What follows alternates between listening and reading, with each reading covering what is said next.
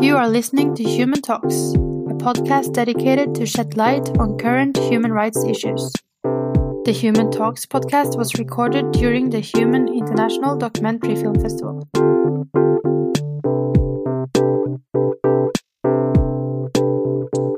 Jeg vil på vegne av Norsk Penn og Den norske Tibet-komité ønske dere hjertelig velkommen til denne panelsamtalen, som vi starter med et spørsmål i lomma på Kina.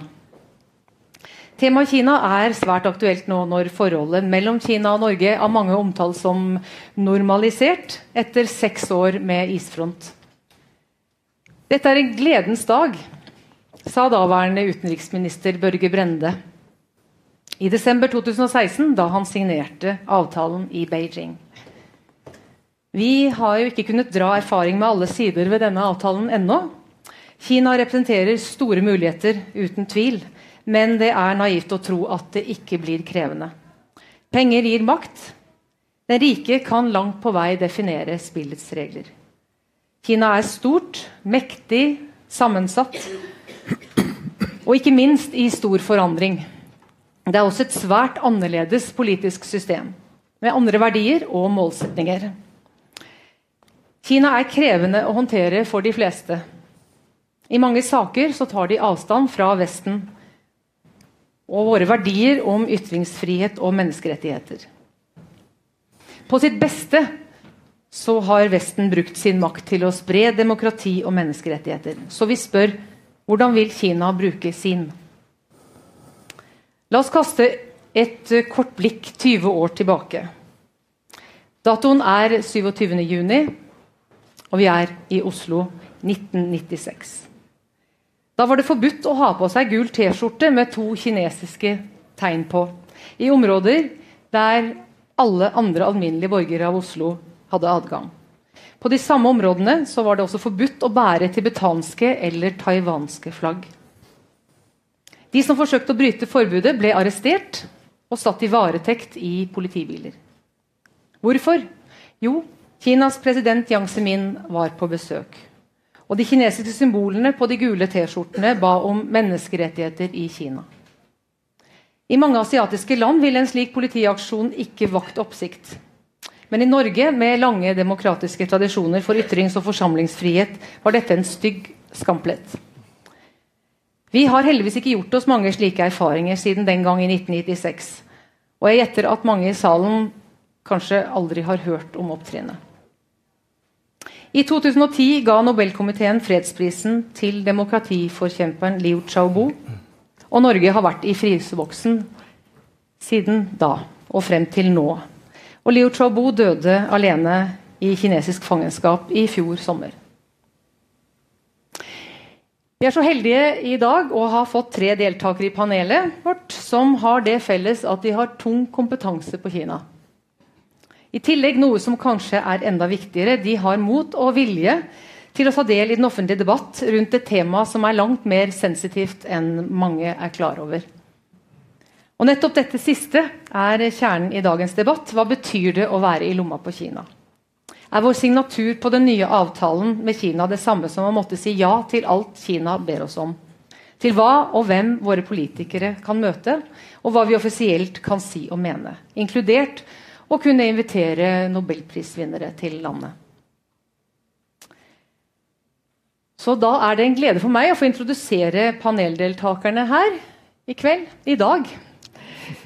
Vi har fra Venstre professor Stein Ringen fra Oxford University og forfatter av boken 'China in the 21st Century The Perfect Dictatorship'. Det perfekt, Også på norsk. Det perfekte diktatur. Ja. Og applaus. Ved siden av ham sitter Jørgen Lone. Mangeårig utenrikskorrespondent for Aftenposten i Kina og kom hjem sommeren 2017. altså nylig hjemkommet fra Beijing. Ja. Sist, men ikke minst Torbjørn Færøvik. Prisbelønnet forfatter og historiker. Takk. Men før jeg slipper dere til Norges erfaring med hendelsen vi kaller gule skjorter i Frognerparken, ble langt på vei repetert i København i 2013. Og siden det er en sak som stadig verserer i dansk presse, og knapt, eller ikke i det hele tatt, har vært nevnt i den norske, og som har fått oppmerksomhet helt opp på regjeringsnivå i Danmark, har vi invitert eh, antropolog og leder for Tibet-komiteen i Danmark, Anders Høymark Andersen, som vil gi oss en kort gjennomgang av Danmarks erfaring med Kinas eksport av sensur. Vær så god, Anders. Takk for det. Ja, jeg håper dere forstår dansk. Uh, mitt norsk er ikke særlig godt. Uh, Danmark og Norge har siden 50-tallet fulgt noenlunde samme politikk overfor Kina. Men i de siste ti år har det vært stor forskjell på utviklingen av samarbeidet. og ikke kun fordi Liu Xiaobo mottok Nobelprisen i Norge. I 2008 startet Danmark som det eneste nordiske land et øh, såkaldt strategisk samarbejde med Kina. Danmark hadde på det tidspunkt et stort underskudd på handelsbalansen med Kina, og det håpet man å avbalansere. Og det er faktisk skjedd i dag, sådan så Kina nu køber lige så meget fra Danmark, som vi køber fra Kina. Øh, fra den side har man også set samarbejdet som en mulighed for at påvirke Kina. En holdning, der nu bliver sat i perspektiv af Xi Jinpings øh, greb om magten. Men samarbejdet gav også Kina anledning til at påvirke Danmark. I de sidste 10 år har Kina måske forandret Danmark mere, end vi har forandret Kina. Det første tegn på det så vi allerede i 2009, øh, da Lammer besøgte Danmark i april, og den danske statsminister mødte ham. Kina reagerede ved at lægge Danmark på is. Ministersøg i Kina blev aflyst, og det blev sværere for handelsaftaler i hus. Så gik der et par måneder mere, og da Danmark i december var vært for den globale klima klimakonference COP15, kom chokket. Danmark sendte en såkaldt verbalnote til Kina, hvor vi for første gang officielt anerkendte, at øh, Tibet er en del af Kina. Regeringen lovede også, at øh, vi modsætter os Tibets uafhængighed. Verbalnoten blev voldsomt kritiseret i medierne og i Folketinget. Det kom frem, at øh, Kina efter statsministerens møde med Dalai Lama havde fremlagt en række krav til den danske regering. I sidste øjeblik havde Kina desuden truet med, at man ikke ville deltage i COP15 på topniveau. Men regeringen var stolt af, at den havde afvist de fleste krav. Den sagde også, at verbalnoten blot gentog, hvad der allerede var dansk øh, politik. Og det passer ikke. Øh, og verbalnoten kom desværre til at indvarsle et generelt knæfald for Kina. I juni 2012 kom et kinesisk statsoverhoved på besøg i Danmark for første gang. Alle sejl blev sat til for at gøre besøget så storslået og succesfuldt som muligt. Der skulle underskrives kontrakter for 20 milliarder kroner. Vi arrangerede en demonstration tæt på Christiansborg den aften, hvor præsident Hu Jintao skulle til statsbanket, og vi oppfordrer folk til at vise øh, det tibetanske flag langs præsidentens rute i København. Efter besøget var slut, gikk det opp for oss at politiet hadde grepet inn mot alle med tibetanske flag, med undtagelse av et, et flag, som vi sendte opp i heliumballoner. Vår vores demonstration plassert et sted, hvor vi stort sett var skjult for præsidenten. Desuden kørte politiet fire minibusser inn foran demonstrationen. Politiet hører et rengøringsselskab til at fjerne de silhuetter av døde tibetanere, som vi har tegnet med kritt rundt omkring i, øh, i København. Ved den lille havfru ble en av våre aktivister, øh, Luna Pedersen, bortvist og beskyldt for narkobesiddelse, som påskud for en visitation, da hun viftede med et tibetansk flag. En hjemløs mand ble arresteret og fikk konfiskeret sitt flagg. flag. Ved Kronborg ble en mand bedt om å legge sitt flag på, på bakken, mens han var omringet av syv betjente i en time. En tibetaner var mødt opp med sitt hjemlandsflag ved Christiansborg, men han ble bortvist, og flaget ble taget fra ham. Og der var flere lignende tilfælde. Da vi bagefter fortalte pressen, hva der var sket, benektet politiet alt og løy om det. Det stod på i tre år, mens vi prøvde prøvede at samle beviser. Vi klaget over politiet og anlagde retssager. Et år senere kom Kinas øverste leder til Danmark. Luna stod ved Christiansborg med et tibetansk flag på sin t-shirt. Hun blev omringet og bortvist. Nogle betjente råbte først til de andre, at de skulle vende Luna om, så det lille flag på hendes t-shirt ikke længere kunne ses. I 2015 tvang vores retssager endelig politiet til at give os øh, lydoptagelser fra deres egen øh, radiokommunikation i, i 2012. De viste, at politiet var gået målrettet efter tibetanske flag og demonstranter, og Falun Gong også. Og da vi fik rettens ord for, at politiet havde frihedsberøvet en enkelt demonstrant, skete der endelig et gennembrud. Politidirektøren gik få dage senere til pressen og sagde, at nu havde de endelig fundet en øh, skriftlig operationsbefaling fra besøget. Den beordrede politiet til at sørge for, at præsidenten ikke så nogen demonstranter. Ordren beviste, at politiet havde løjet om sagen i mere end tre år, og de havde givet Folketinget øh, falske oplysninger. Det blev en stor skandale selvfølgelig. Politidirektøren bad øh, politiklagemyndigheden om at undersøge politiets rolle under det kinesiske besøg. Det blev deres største undersøgelse nogensinde med mere end 400 afhørte betjente og aktivister. Få dage senere besluttede justitsministeren også at nedsætte en kommission, der skulle undersøge, hvem der havde ansvaret for de ulovlige ordre. Kommissionens beretning kom i slutningen af december sidste år. Den fylder fem øh, sådan nogle bind her er over på over 2.000 sider. Beretningen konkluderede, at politiets ordre var klart ulovlige, øh, og det samme var de mange konkrete indgreb mot demonstranter. Den danske statsanklager er lige nu ved at beslutte, hvilke politibetjente, der skal straffes. Men nu vender jeg tilbage til mit tema, nemlig det kinesiske pres på de danske myndigheder. I alt fremgår det af kommissionens beretning, at der var mindst 17 møder mellem forskellige kinesiske og danske myndigheder i planlægningsfasen op til statsbesøget i 2012. Kinas ambassade samarbejdede med Udenrigsministeriet, Kongehuset, Statsministeriet, Københavns politi og politiets efterretningstjeneste PET. Den danske invitation til Kinas præsident blev første gang accepteret under et møde den 8. Øh, maj mellem Udenrigsministeriet og Kinas ambassadør. Allerede under det møde advarede ambassadøren mod Tibet-demonstranter. Han sagde, at hans erfaringer fra England havde vist, at øh, pro-tibetanske demonstranter var meget aggressive og udgjorde en stor fare. Kineserne gentog deres bekymringer om øh, Tibet-demonstrationer på de fleste møder, og deres budskab blev mere og mere detaljeret. Hvor det i begyndelsen drejede sig om sikkerhed, skiftede det efterhånden karakter og blev især fokuseret på spørgsmålet om værdighed. To dage før statsbesøget satte den kinesiske ambassade souschef under et møde med Udenrigsministeriet, at spørgsmålet om sikkerhed kunne blive afgørende for, hvilket indtryk den kinesiske delegation rejste afsted med. Der var ikke kun tale om delegationens fysiske sikkerhed, som man egentlig ikke var bekymret for. Det her handlede nok så meget om delegationsmedlemmernes øh, værdighed. Fra kinesisk side var man meget bekymret for fornærmende manifestationer. Derfor anmodede man om, at man fra dansk side gjorde, hvad, der var muligt inden for lovens rammer, for at skærme delegationen fra sådan nogle manifestationer. Kinesernes anmodning resulterede i, at Udenrigsministeriet samme aften ringede til politidirektøren og fortalte ham om de kinesiske bekymringer. TB-kommissionen konkluderede, at det danske udenrigsministerium og PET, altså Sikkerhedspolitiet, havde skabt en stemning omkring besøget, øh, omkring de kinesiske bekymringer og betydningen af, at besøget blev et succes. Der blev ikke givet nogen direkte ordre til politiet øh, om, at de skulle holde, øh, altså fra øh, Udenrigsministeriet eller PET, om at de skulle holde demonstranter uden for præsidentens synsfelt.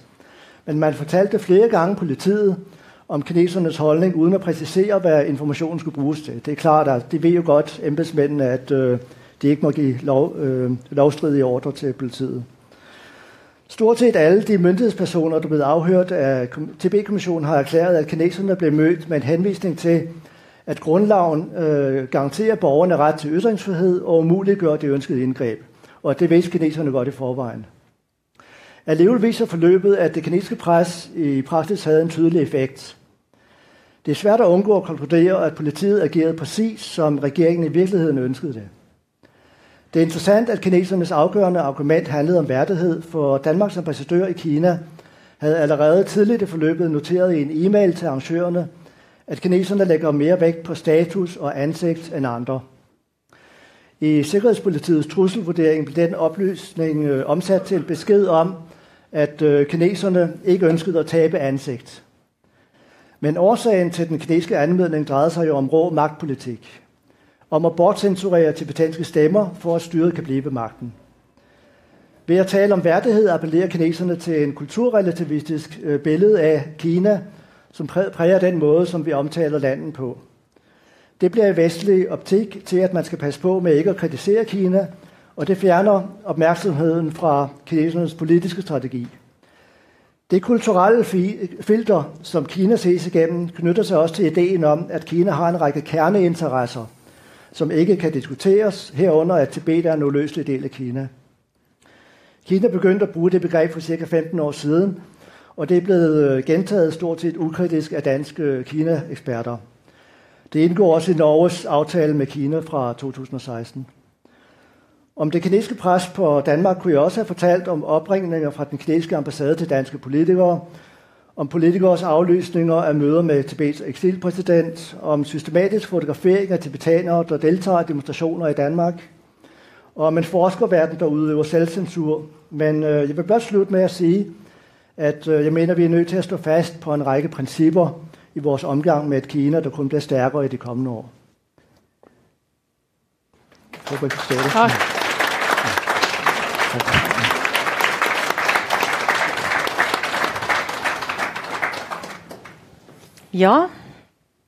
da har vi fått et veldig konkret eksempel på i lomma på Kina. Spørsmålet er jo Det er 20 år siden sist vi eh, opplevde noe sånt i Oslo.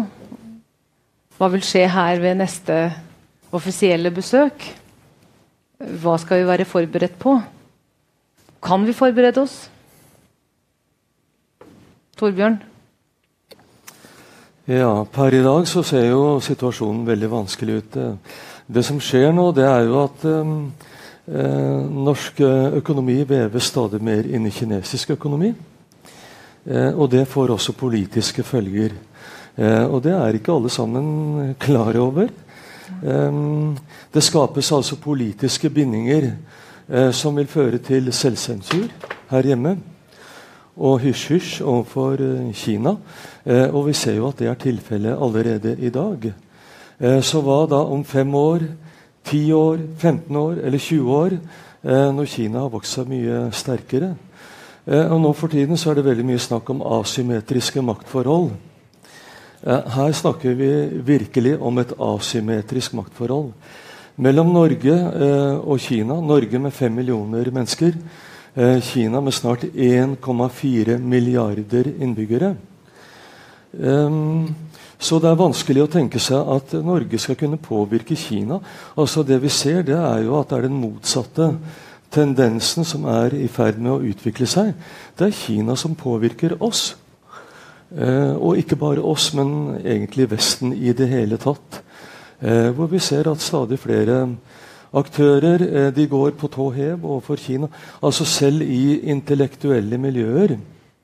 Eh, noen av oss vi kommer jo fra intellektuelle miljøer, i og for seg, men eh, det jeg ser, det er jo at selv i intellektuelle miljøer her hjemme så er man veldig forsiktig overfor Kina. vanligvis så har vi kanskje det synspunktet at når alle andre svikter ja, og ikke tør si sin mening, Vel, da har vi i hvert fall de intellektuelle som er der alltid, og som kan si sannheten. Men når de intellektuelle heller ikke er villige til å si sannheten, ja, men hvor er vi da? Det er for meg et veldig stort eh, tankekors. Um, og det vi ser, det er jo også at stadig flere intellektuelle forskere, akademikere, synologer, de har eh, det jeg kaller en eller annen baby i Kina.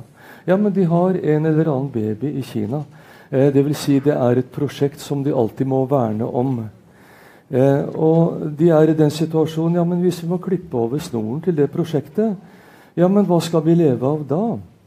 Sånn at eh, Hvis Aftenposten eller NRK eller andre ringer da til la meg si, sinologene ved Universitetet i Oslo, ber dem komme til NRK eller hvor det måtte være, for å si noe kontroversielt eller spesielt om Kina, ja, men de vil ikke komme i det hele tatt. De vil være hjemme eller sitte på det lille rommet sitt på Orientalsk institutt på Blindern. Eh, det er mulig at jeg provoserer mange nå, men det er også litt av eh, hensikten. Eh, så jeg syns at det er en veldig skummel utvikling. og Derfor så er det veldig viktig at det finnes frie Stein er et veldig godt eksempel på det. At det finnes frie intellektuelle som tør ta opp eh, hansken og tale Kina midt imot når det kreves.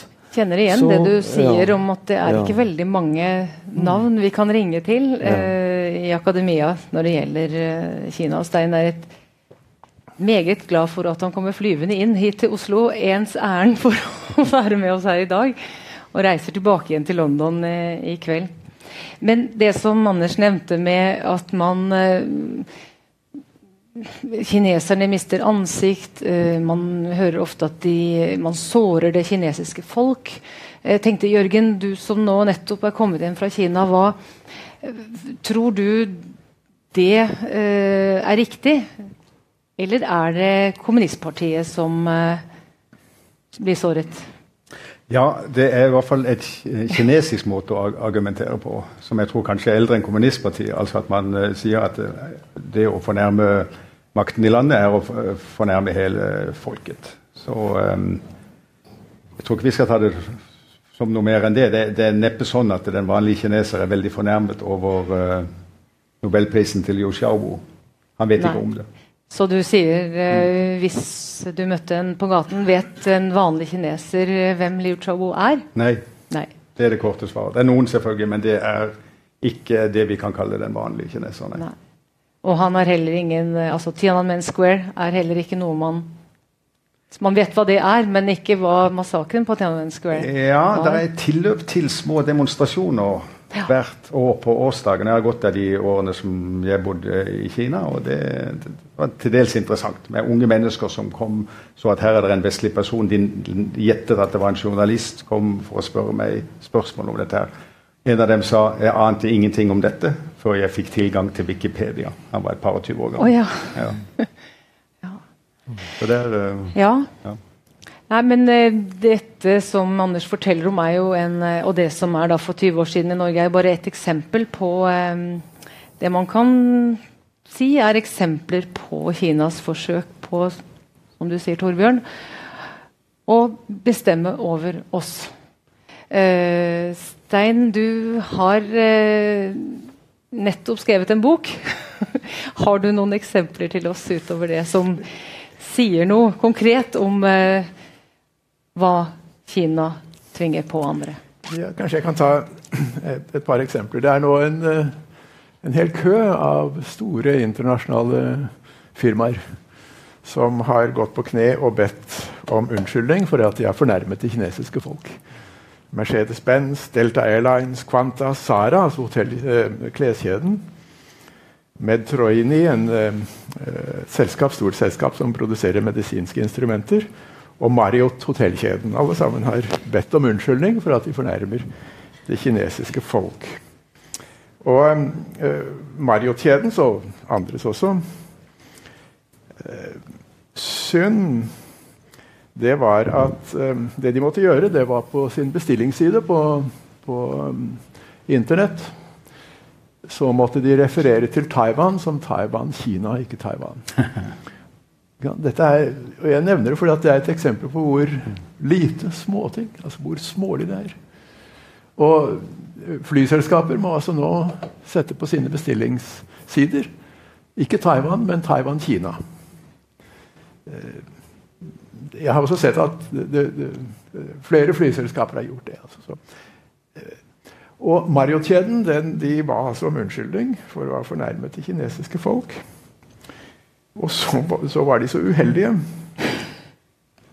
at en av deres medarbeidere kom til å trykke på like på en post på Twitter som hadde referert til Tibet som et eget land. Og han måtte få sparken av selskapet. Så det er ned til små ting, altså. Og så er det jo store ting også. F.eks.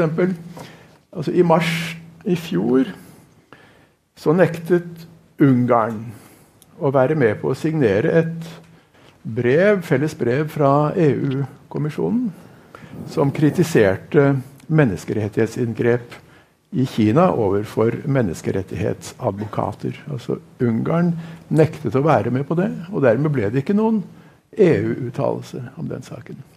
Omtrent samtidig så nektet Hellas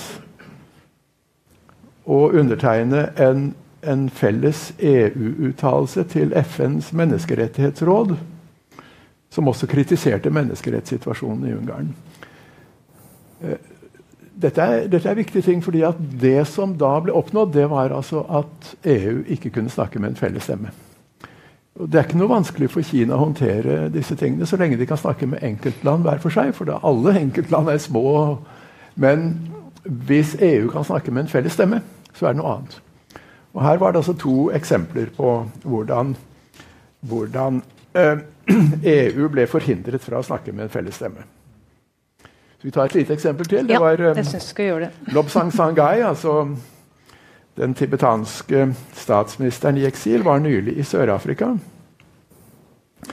Og de, de, de, kinesiske myndighetene forsøkte først å få Sør-Afrika til å nekte ham innreise til Sør-Afrika, men det kunne de ikke gjøre, for han har amerikansk eh, pass. Så han kunne ikke nektes innreise. Og han holdt et foredrag på, eh, eh, på Stellenbosch-universitetet. Og da var det en demonstrasjon mot ham. Og den demonstrasjonen den ble vist på kinesisk fjernsyn. Som en stor demonstrasjon og som en spontan demonstrasjon av uh, afrikanske folk mot uh, den tibetanske eksilstatsministeren. Den demonstrasjonen det var ca. 30 medarbeidere. 30 personer. Det kan jo lages til en stor affære på fjernsyn. Og de, Det var arrangert av den kinesiske ambassaden, og de, de, de eh, demonstrantene var betalt for å demonstrere. Eh, det er jo ikke noen stor sak at han holder et foredrag.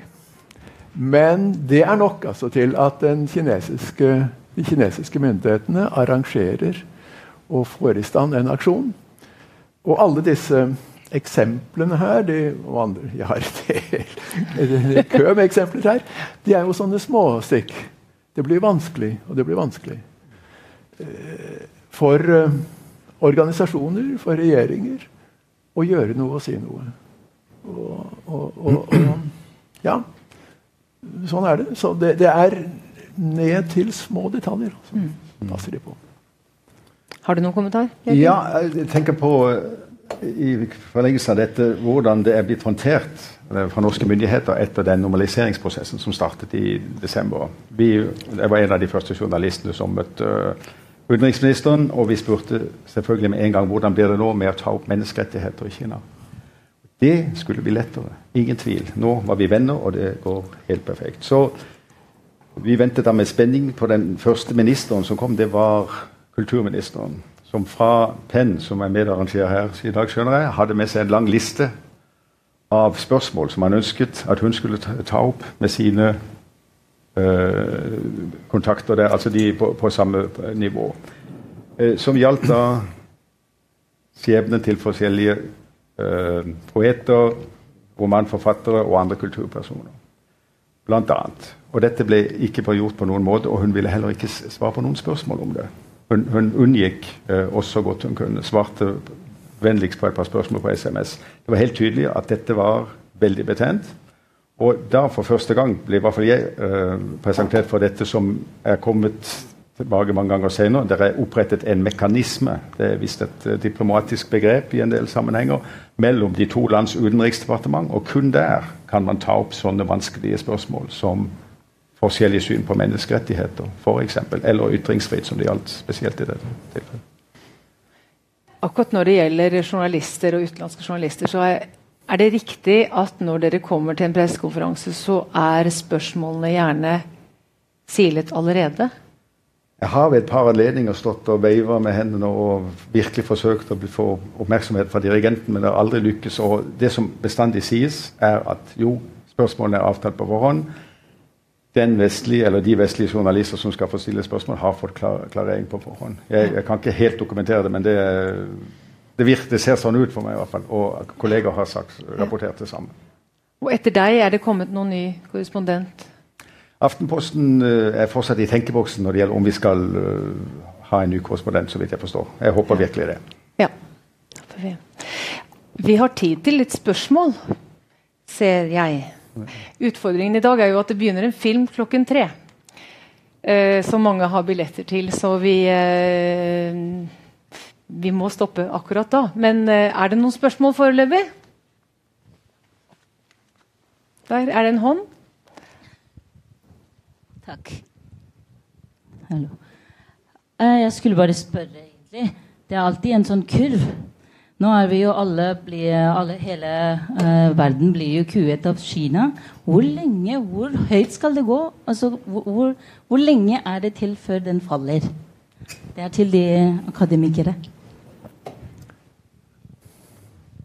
Ja, altså det du spør om, er egentlig hvor, hvor langt kan Kina pushe, tenker jeg. Du spør om. Hvor mye skal vi tåle? Ja, hva Altså det, det som Når du, du, snakket om også akademikere blir øh, Får en munnkurv, eller en selvpålagt munnkurv, altså en form for selvsensur. Eh, og det kan kanskje du snakke om, Stein. Eh, Cambridge University Press, der forsøkte man jo eh, å sensurere artikler. Jeg snakket med en, altså Mette Halskov Hansen, eh, norsk akademiker, som sa ja, det var faktisk en av mine artikler som ble forsøkt sensurert. Men hva skjedde der? Eh, ja, det var Cambridge University Press som eh, eh, forpliktet seg til å ikke sette en del artikler fra et tidsskrift på, på hjemsiden, så det kunne ses eh, på Internett. I Kina? Ja. i ja. Kina. Og, og, de gjorde tilbaketog på det. og sa at ok, vi gjør. Men det er ikke klart i dag altså, om de artiklene kan, kan ses på fra Kina. Så akkurat hvor den saken står, det vet vi ikke. Altså, forlaget ble gjenstand for veldig sterk kritikk uh, i det akademiske miljøet. Og de, de, gjorde tilbaketog på det og sa at ok, vi setter alt sammen opp. Det blir ingen, uh, ingen filtrering. Men per i dag så, ikke, så, så, vet vi ikke riktig om det går an. Selv om de altså, Om vi ser på denne nettsiden, så vil vi se det, men det er ikke sikkert at de kan ses fra Kina. Vi vet ikke riktig. Det er ikke ferdig ennå, den Nei. saken. Dette med hvor langt Altså, det, det, er Det har skjedd noe de siste dagene, altså. De siste par ukene. Når Xi Jinping har fått um, forandret Grunnloven. Det, vel, det får han vel ja, gjort det er jo Det skjer i disse dager. Ja, ja. I Folkekongressen så skjer det ja, nå. Ja. Jeg vet ikke om alle er uh, klar altså, over hva det er som er i ferd med å skje. Altså, forandringen er, ja. altså Grunnloven i dag, iallfall i går, sa at presidenten kan bare sitte i ti år. Og den klausulen fjernes nå, i dag. Kanskje det allerede har skjedd? Kanskje ja. en time eller så. I hvert fall i løpet av folkekongressen som pågår nå. Ja. ja. Og, og, det vil altså si at er ing, da er det ingen tidsbegrensning på skiskipping hvor lenge han kan sitte i ledelsen. Som en Mao. Som Mao. Mm. Det, dette er det blitt veldig sterke reaksjoner mot uh, i utlandet. Til dels også i Kina, men i utlandet. Og det er mulig altså, at det er litt av et vendepunkt. Uh, at dette er Iallfall ja, er det veldig mange kommentarer nå, aviskommentarer som sier at dette, nå, nå, nå, nå er, nå er uh, skjul sjalet trukket til side. Nå, ser, nå, har, har regimet vist hva det er. Og det er mulig altså, at, dette blir, at, dette fører til reaksjoner i vest, og at, de, at vestlige land klarer, kan klare mer å komme sammen. Og at de kan ha et syn på at det som skjer i Kina nå, øh, som, som diktaturets perfeksjonering, det er, det er, alvor. Det er mulig. Jeg sier ikke at det vil skje, men, men det har vært sterke reaksjoner, øh, sterke kommentarer på dette. Så det er mulig at dette blir et slags vendepunkt. Jeg er ikke sikker på at jeg vil spå det, men, men det kan hende at dette, er, dette blir litt av et vendepunkt. Og det er mulig altså, at det har vært en feil fra Skishippings side. At han har vært overmodig i denne saken. Jeg er kjempeinteressert i å høre hva Torbjørn tror. Hva sa du? Jeg er veldig interessert i å høre hva du tror. Ja, altså Det verste som kan skje nå, det er jo at um, uh, Xi Jinping f.eks. om fire eller fem år fra nå også lar seg gjenvelge som formann i kommunistpartiet eh, for en ny termin. Det blir i så fall den tredje terminen. Eh, og da er jo fadesen fullkommen. Jeg tror vi ser allerede nå at det er en god del eh, motreaksjoner her i Vesten mot det som skjer i Kina. Og at det er en viss eh, oppvåkning også blant eh, ikke bare intellektuelle og i aviser, medier, men kanskje også i næringslivet. Eh, og når det gjelder næringslivet, så er det jo i dag, da, som mange vet eh, eh, Det pågår forhandlinger da, mellom Norge og Kina om en frihandelsavtale. dette er forhandlinger som begynte for mange år siden, men som er gjenopptatt etter at vi kom ut av fryseboksen.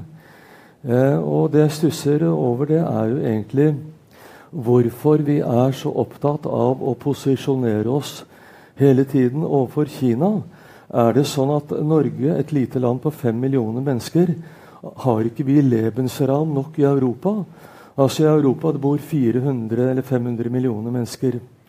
USA 350 millioner mennesker. India 1,4 milliarder. Er ikke det Lebensram nok for et lite land som Norge? Hvorfor må vi absolutt til Kina for å vinne andeler? Og Jeg skulle ønske at norske myndigheter la forholdene mye mer til rette for at vi kunne være med og bygge opp Europa. Eh, hvor vi har da våre demokratiske og liberale tradisjoner å ta vare på. Det hadde virkelig vært et prosjekt å støtte eh, og gå inn for, og som ville vekke entusiasme. Men nå ser vi at alle veier fører til Kina. Eh, og dette er en eh, vei rett inn i en felle på lang sikt. Mm. Ja, først, altså dette med at man nå opphever grensen for hvor lenge presidenten kan sitte Dette er jo en, uh, en regel som, som, Deng Xiaoping klarte å få inn i, i uh, Grunnloven, så å si. Og uh, for å unngå at det skulle bli igjen uh, altfor mye persondyrkelse og, og ensretting. Og det, dette er jo et klart brudd med det som, som nå skjer. Så det er en annen ting som jeg også syns er interessant i forlengelsen av det. fordi på partikongressen nå i høst så ble det vel for første gang sagt at kanskje er det slik at uh, andre land uh, har bruk for Kinas system. Kanskje kan vi bli modell. Uh, og, og, dette er også sterkt i strid med det som Deng gikk inn for. Han sa nemlig alltid at vårt system er bare for oss. Det er bare vi som, som kan fungere under dette. Hvis Deng nå skal gjøre seg til talsmann for dette og har tenkt å gjøre det på litt ubestemt tid, så er det jo veldig klart at vi kommer til å se et Kina som virkelig ønsker å øke sin makt og innflytelse i hele verden. Mm. Spørsmål? Ja, øh, takk for veldig spennende innspiller i det hele tatt. Mikrofon. Okay, mikrofon. Ja, jeg pleier å kunne råpe høyt nok, men ok. Uh, ja, takk for fint uh, arrangement og spennende diskusjoner. Jeg har to ting. Og den ene er selvfølgelig en nyhetsting som i morgen kan være helt annerledes. Og det er i Aftenposten i dag. Der står jo pga. Trump, der skal møtes med Nord-Koreas leder, så blir Kina plutselig taper nummer tre. Ikke? Og det er selvfølgelig Jeg er klar over at det er nyheter, og det kan faktisk endre seg igjen i morgen. Så det er den ene ting. Så alting er jo sånn litt i, i floks, kan man kalle det. Det andet var, og det kan godt være, at vi skal tage den her diskussion først, øh, som jeg rejser mm. eller ikke rejser. Øh, det andet det var, at jeg var til et møde den anden dag med en af kollegerne fra UIO, nemlig Harald Bøgman. Og han øh, viste, at den specielle bestemmelse, som Norge har skrevet under på, den er løsere end den, som Danmark for eksempel har skrevet under på med Kina, som gav lidt mere rum for å fortolke. Og jeg vet ikke, jeg hørte ikke, eller jo, jeg hørte efter, men jeg fikk ikke spurt mer til det. Og det vet jeg selvfølgelig ikke, om det, har, om det er tilfældet, men øh, det lød jo interessant, at, at den bestemmelse, der er lagt inn i samarbeidet med Kina fra Danmarks side, er strengere enn den, fra, øh, der gælder for Norge. To ja. ting.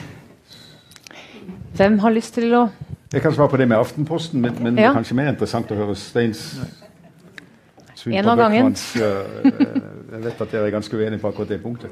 Uh, altså Min kollega har skrevet det i dag at Kina er tabuen. Og, og det han med det mener, er at Kina gjerne skulle stått tror jeg, jeg tror dette mener, som, som arrangør av, av, dette møtet. Så nå kommer altså høste den diplomatiske skal vi si, gevinst av dette her. Og, og, og internasjonale gevinst. samtidig så er det jo slik at Kina har i hvert fall tilsynelatende gått sterkt inn for at nettopp dialog mellom uh, USA og Nord-Korea skulle bidra til å løse den uh, fastlåste situasjonen. Så Sånn sett så kan jo som si at endelig gjør de som vi sier, tror jeg. Så det, det, om hvor mye Kina er taper i det spillet som nå uh, pågår. Og om det blir noe av det i det hele tatt, det er nok som du selv sier, altfor tidlig å, konkludere på nå, tror jeg. Mm. Og det andre spørsmålet, tar du det, Stein?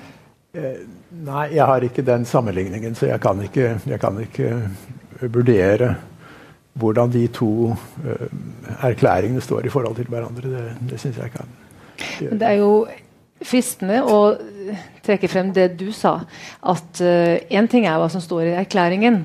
En annen ting er hva den enkelte akademikers baby, altså levebrød, betyr. Mm. Uh, så det er vel, uh, vel, heller det som Men når det gjelder den erklæringen da, som ble undertegnet mm. i Det var vel i desember 2016.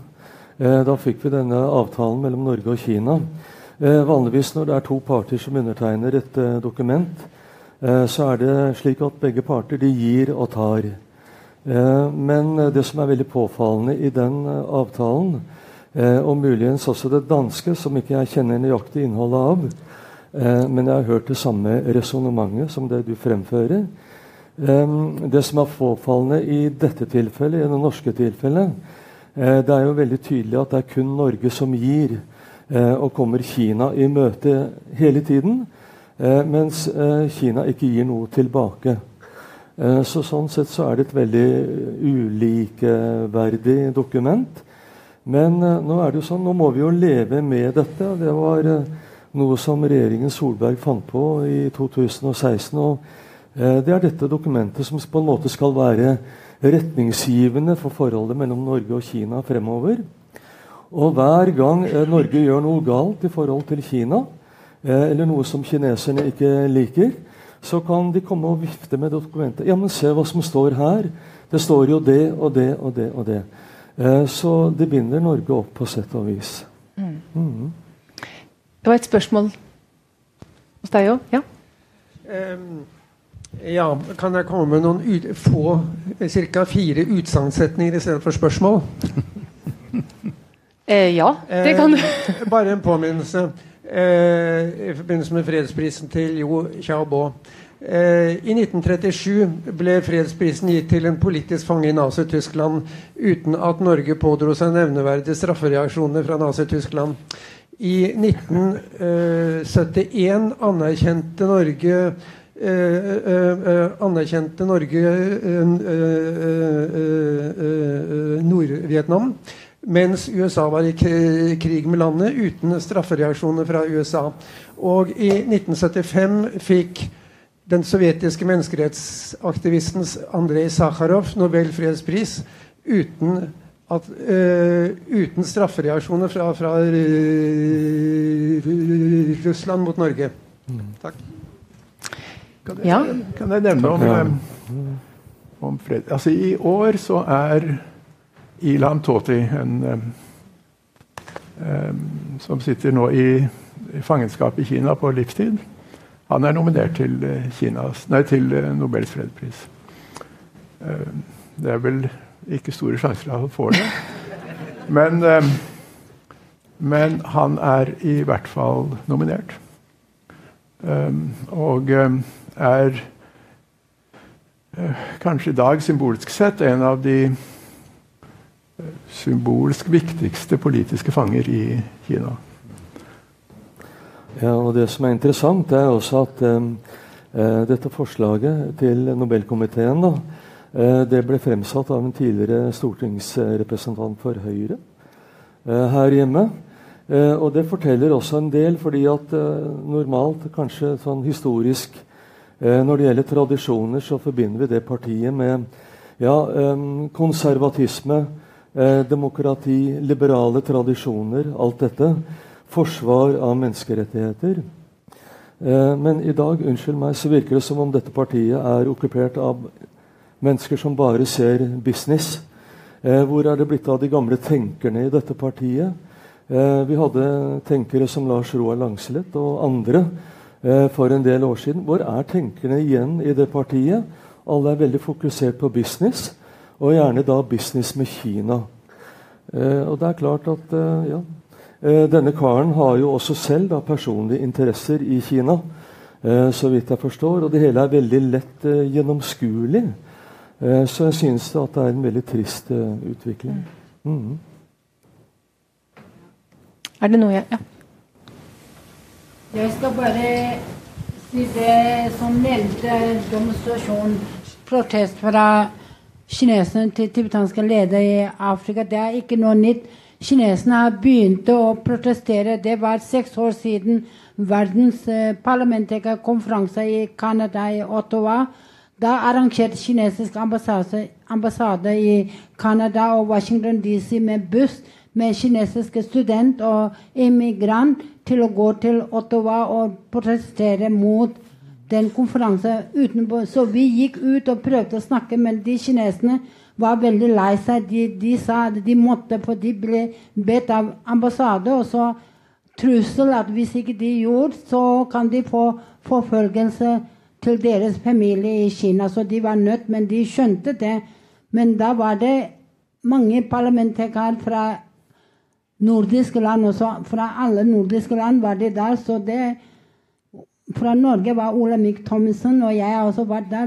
Var, så de har begynt nå Uansett hvor Tibet-konferanse eller Tibet-arrangement, så arrangerer de protest. Dette er ny utvei. Fortvilelse av kineserne til å slå ned på all Tibet-aktivitet. Så det er ikke noe nytt. Så det skjer det mye. Og nå som er veldig spent, den folkekongressen i Kina hvor Xi Jinping har foreslått, eller den kommunistpartiet har foreslått at president skal være permanent. Så dette er en vei til en ny diktaturland. Kina er jo en diktaturland, men da skaffer vi en ny diktatur i Kina. Så jeg syns internasjonalt samfunn må reagere med alt unnskyldning. Det syns dessverre jeg som har vært Tibet-aktivist, jeg blir så lei av å høre. Vi må ta hensyn til den økonomisk for landet, sier de. Men hvorfor kan de ikke tenke Kina er også avhengig av økonomisk fra den andre side? Så det snakker de ikke om. Så det er liksom det er veldig leit å høre den unnskyldning. Det gjelder også Norge. Det, må det er klart at økonomi er viktig for Norge, det er det. Men når man snakker om Norge som en fredsland og fredsprisfordel skjer herfra, og Norge som verdens fredsmegler og sånn, at de kan gjemme seg bak sånn unnskyldning og så lukke øyet for det brudd på menneskerettigheter. Det syns jeg er veldig trist. Ja. ja. Det er eh... Takk skal du ha, Shondala. Jeg snakket med en uh, ung journalist som nettopp uh, hadde begynt å jobbe i Dagsavisen. og Hun hadde vært i, uh, på ambassaden og søkt visum til Kina. Og så hun, hun så, og så snakket vi sammen, og hun spurte hvor jeg kom fra. Jeg var på uh, kinesisk nyttårskonferanse uh, på Fafo. Og uh, Tibet, Jeg fortalte om Tibet, og så sier hun ja, Tibet, ja. ja altså På ambassaden, fordi hun var journalist, så hadde hun altså måttet se på en 45 minutter lang film om sannheten om Tibet. Og hun hadde fått med seg en bærepose med Tibets historie fra den kinesiske ambassaden i Oslo. Bare en liten Apropos eh, Litt sånn retorisk spørsmål kunne altså vi har fått, De har altså eh, nominert en kinesisk eh, eh. Men kunne Liu Xiaobo eller Dalai Lama fått Nobels fredspris i dag?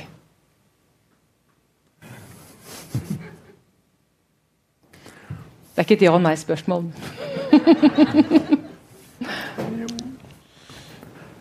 altså, jeg jeg syns uh, at Nobelkomiteen er jo uavhengig. Altså, den, det er jo sin egen komité. Jeg, jeg, jeg, tror vi skal, jeg tror vi skal holde på det. Altså, det um, og det, det, er klart de, de medlemmene av Nobel, Nobelpriskomiteen de gjør sine vurderinger. Men jeg tror ikke de tar imot beskjed. Jeg tror vi skal gjøre dem den oppmerksomhet at de er en uavhengig og selvstendig komité. Um, jeg tror det er lite sannsynlig at f.eks. Ilam Toti skulle, skulle ville få nobelprisen. Men jeg tror ikke vi skal strekke altså Jeg er jo konspiras konspirasjonsteoretiker mm. i dette, men jeg syns ikke vi skal trekke konspirasjonsteoriene så langt som til å underkjenne Nobelkomiteens uh, selvstendighet. Nei. Jeg er enig i det. Eh, jeg tror også Det kommer helt an på hvem som sitter i komiteen, og hvilke vurderinger de gjør. og hvem som får uh, Nobels fredspris. Jeg tror også på det. Når det gjelder Ilan Tottis kandidatur, så tror jeg det er vanskelig å se at ikke det måtte være en veldig verdig prisvinner, isolert sett. I, i en, som talsmann for uigurene i Xinjiang, der det jo er særdeles Ikke så veldig mye, men en, en del voldsbruk hele tiden. Og det er stadig flere i befolkningen tror jeg ikke ser noen annen løsning enn vold for å, for å eh, komme noen vei med sine krav overfor sentralmakten. Så er han en stemme som faktisk maner til tilbake, eh, tilbakeholdenhet og til fredelige midler. Og som slett ikke har eh, gjort det kineserne så vidt jeg kan forstå, slett ikke har gjort det de kineserne anklager ham for, nemlig gå inn for løsrivelse. Han sier bedre, bedre styre, mer internt selvstyre og, og, bedre altså oppførsel rett og slett fra, fra, den kinesiske regjering overfor minoriteten som bor i Xinjiang. Mm. Kanskje si to ord om Xinjiang. fordi der, det er nå et stort eksperiment i overvåkingsstatens muligheter. Um, det er en ganske stor befolkning, så det er et uh, effektivt eksperimentområde. Og det inkluderer nå to ting. Er På den ene side så er det bruk av konsentrasjonsleirer. De skulle etter kinesisk lov ikke lenger være i bruk. Men de er nå i bruk i stor stil i den provinsen. Og på den andre side så er det eksperimenter med bruk av de aller mest moderne elektroniske overvåkingsteknikker. Som inkluderer eh, eh ansiktsgjenkjennelse. Mm. Eh, eh, og, og, og øyepupillgjenkjennelse. Og veldig tett politiovervåkning. Og veldig tett overvåkning med, med kameraer. Og altså bruk av disse moderne teknikker for å identifisere hvem det er som beveger seg hvor. Så det er en, et eksperiment i den moderne overvåkningsstatens muligheter som jeg tror er så sofistikert at, at ingen har sett det tidligere. Um, og, og, Ja, OK. Det, det er et uhyggelig, uhyggelig scenario i hendene på noen som uh, Tina, kan man vel si. Men du ønsket å kommentere ja, det, Torbjørn? Når det er snakk om politiske fanger uh, i Kina, så syns jeg kanskje at vi burde uh, interessere oss mer for Liu Xia, kona til Liu Xiaobo eh, som aldri har gjort noe galt, og som aldri har stått for en rett. Hun er aldri dømt, men hun har sittet inne i husarrest siden 2009 eller 2010. Eh, og er fratatt eh, alle rettigheter. Hun kan ikke bevege seg fritt. Eh, det står politi utenfor leiligheten hennes 24 timer i døgnet. Hun har ingen muligheter til å kommunisere med verden. Eh, og Det er jo et veldig godt eksempel på at Kina er et fullstendig rettsløst samfunn. Altså Du kan se på Kina som en stor, eh, fin kake med glasur på toppen. Eh, men så kan du stikke fingeren ned gjennom glasuren og ta den opp igjen. Og så ser du at det er noe helt annet der inne. Så det er jo påfallende. altså Vi har en menneskerettighetsdialog med Kina. Den har pågått i, i mange år med visse avbrudd. Men allikevel, til tross for alt det som har skjedd av strev fra norsk side, eh, og mange andre lands side, så gjør Kina stort sett som de vil. Ja.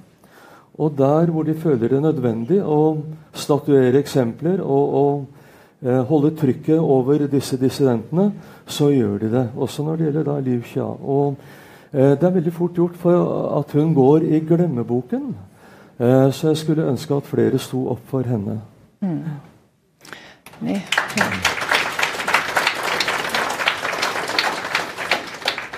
Ja, vi nærmer oss jo egentlig uh, avslutning, men et spørsmål derfra?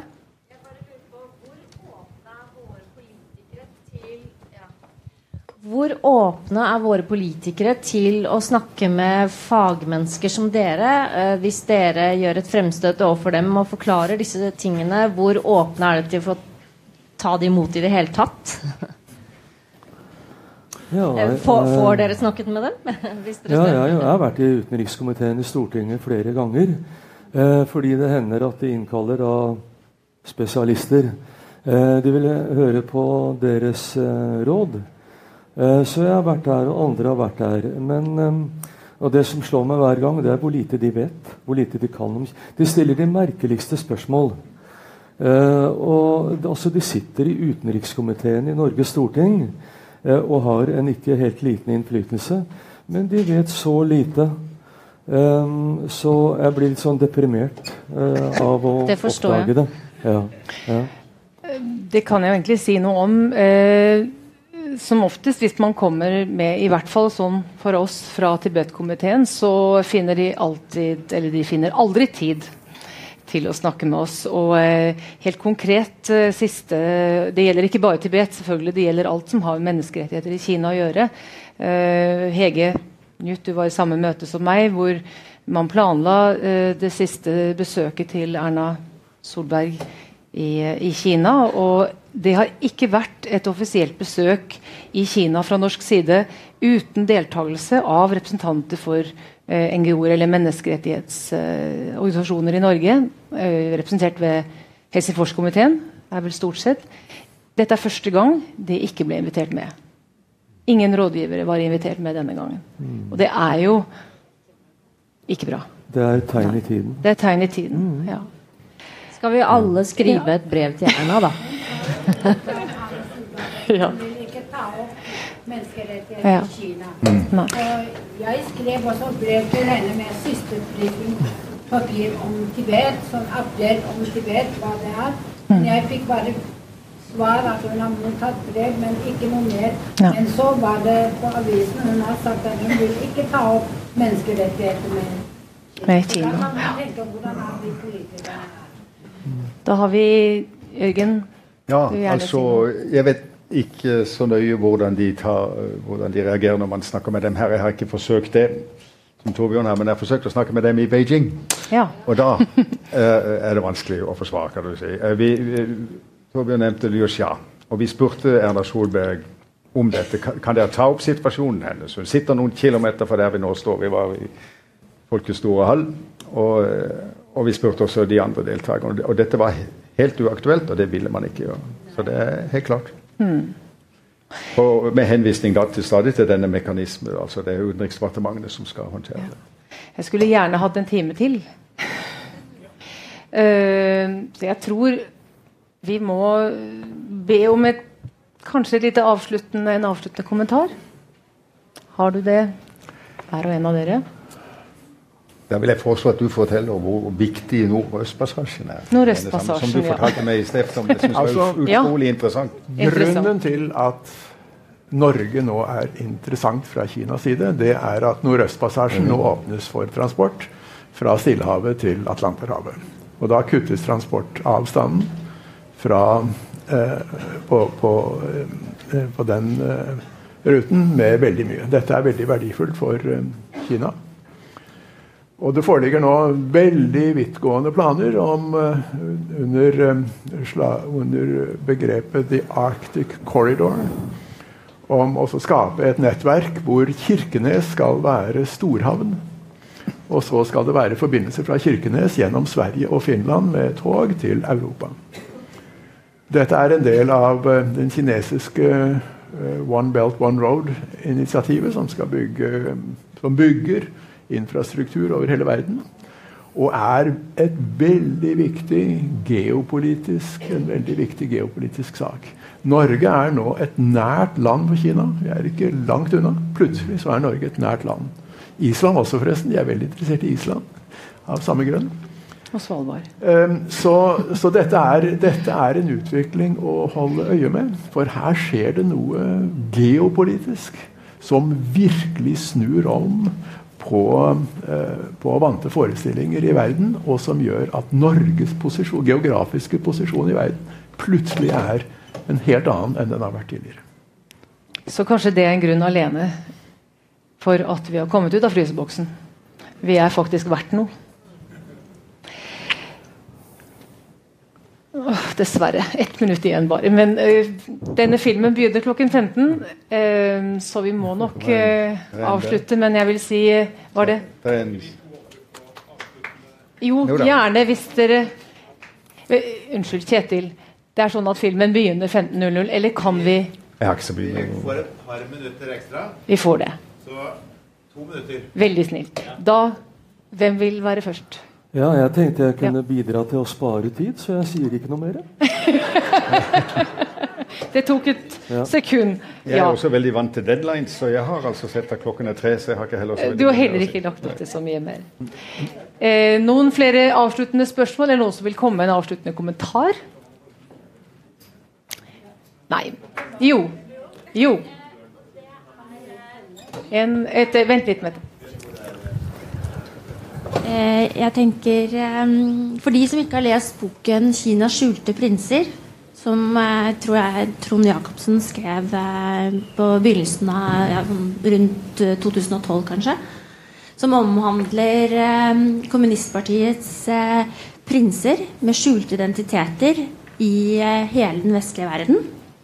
Så må jeg anbefale. Den er, for da kan man tenke seg hvordan denne makteliten med enorm tilgang til kapital infiltrerer oss på helt skjult måte. Godt. Det ga meg egentlig et siste spørsmål til panelet. Hvis man skal forstå Kina, rent bortsett fra din eminente bok 'Det perfekte diktatur', hvilken bok skulle man lese for å forstå Kina? Da syns jeg bøkene til Dickerter, en historiker som arbeider i Hongkong, og som har tatt for seg hele utviklingen fra, fra, fra maktovertagelsen til kommunistene. Utrolig interessante bøker. Du har Også selv skrevet inn- ja, Torbjørns bøker, egne bøker. Ja, ja. Abso, absolutt. Som jeg også har lest.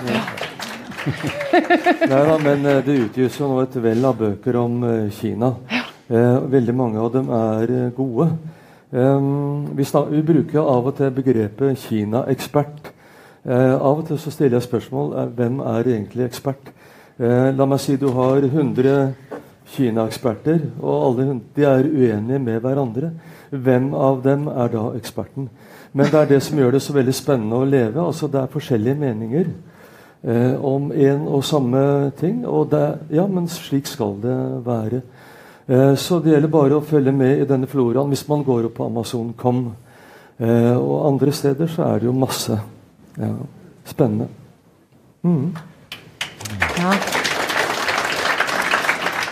Tusen takk. Tusen takk.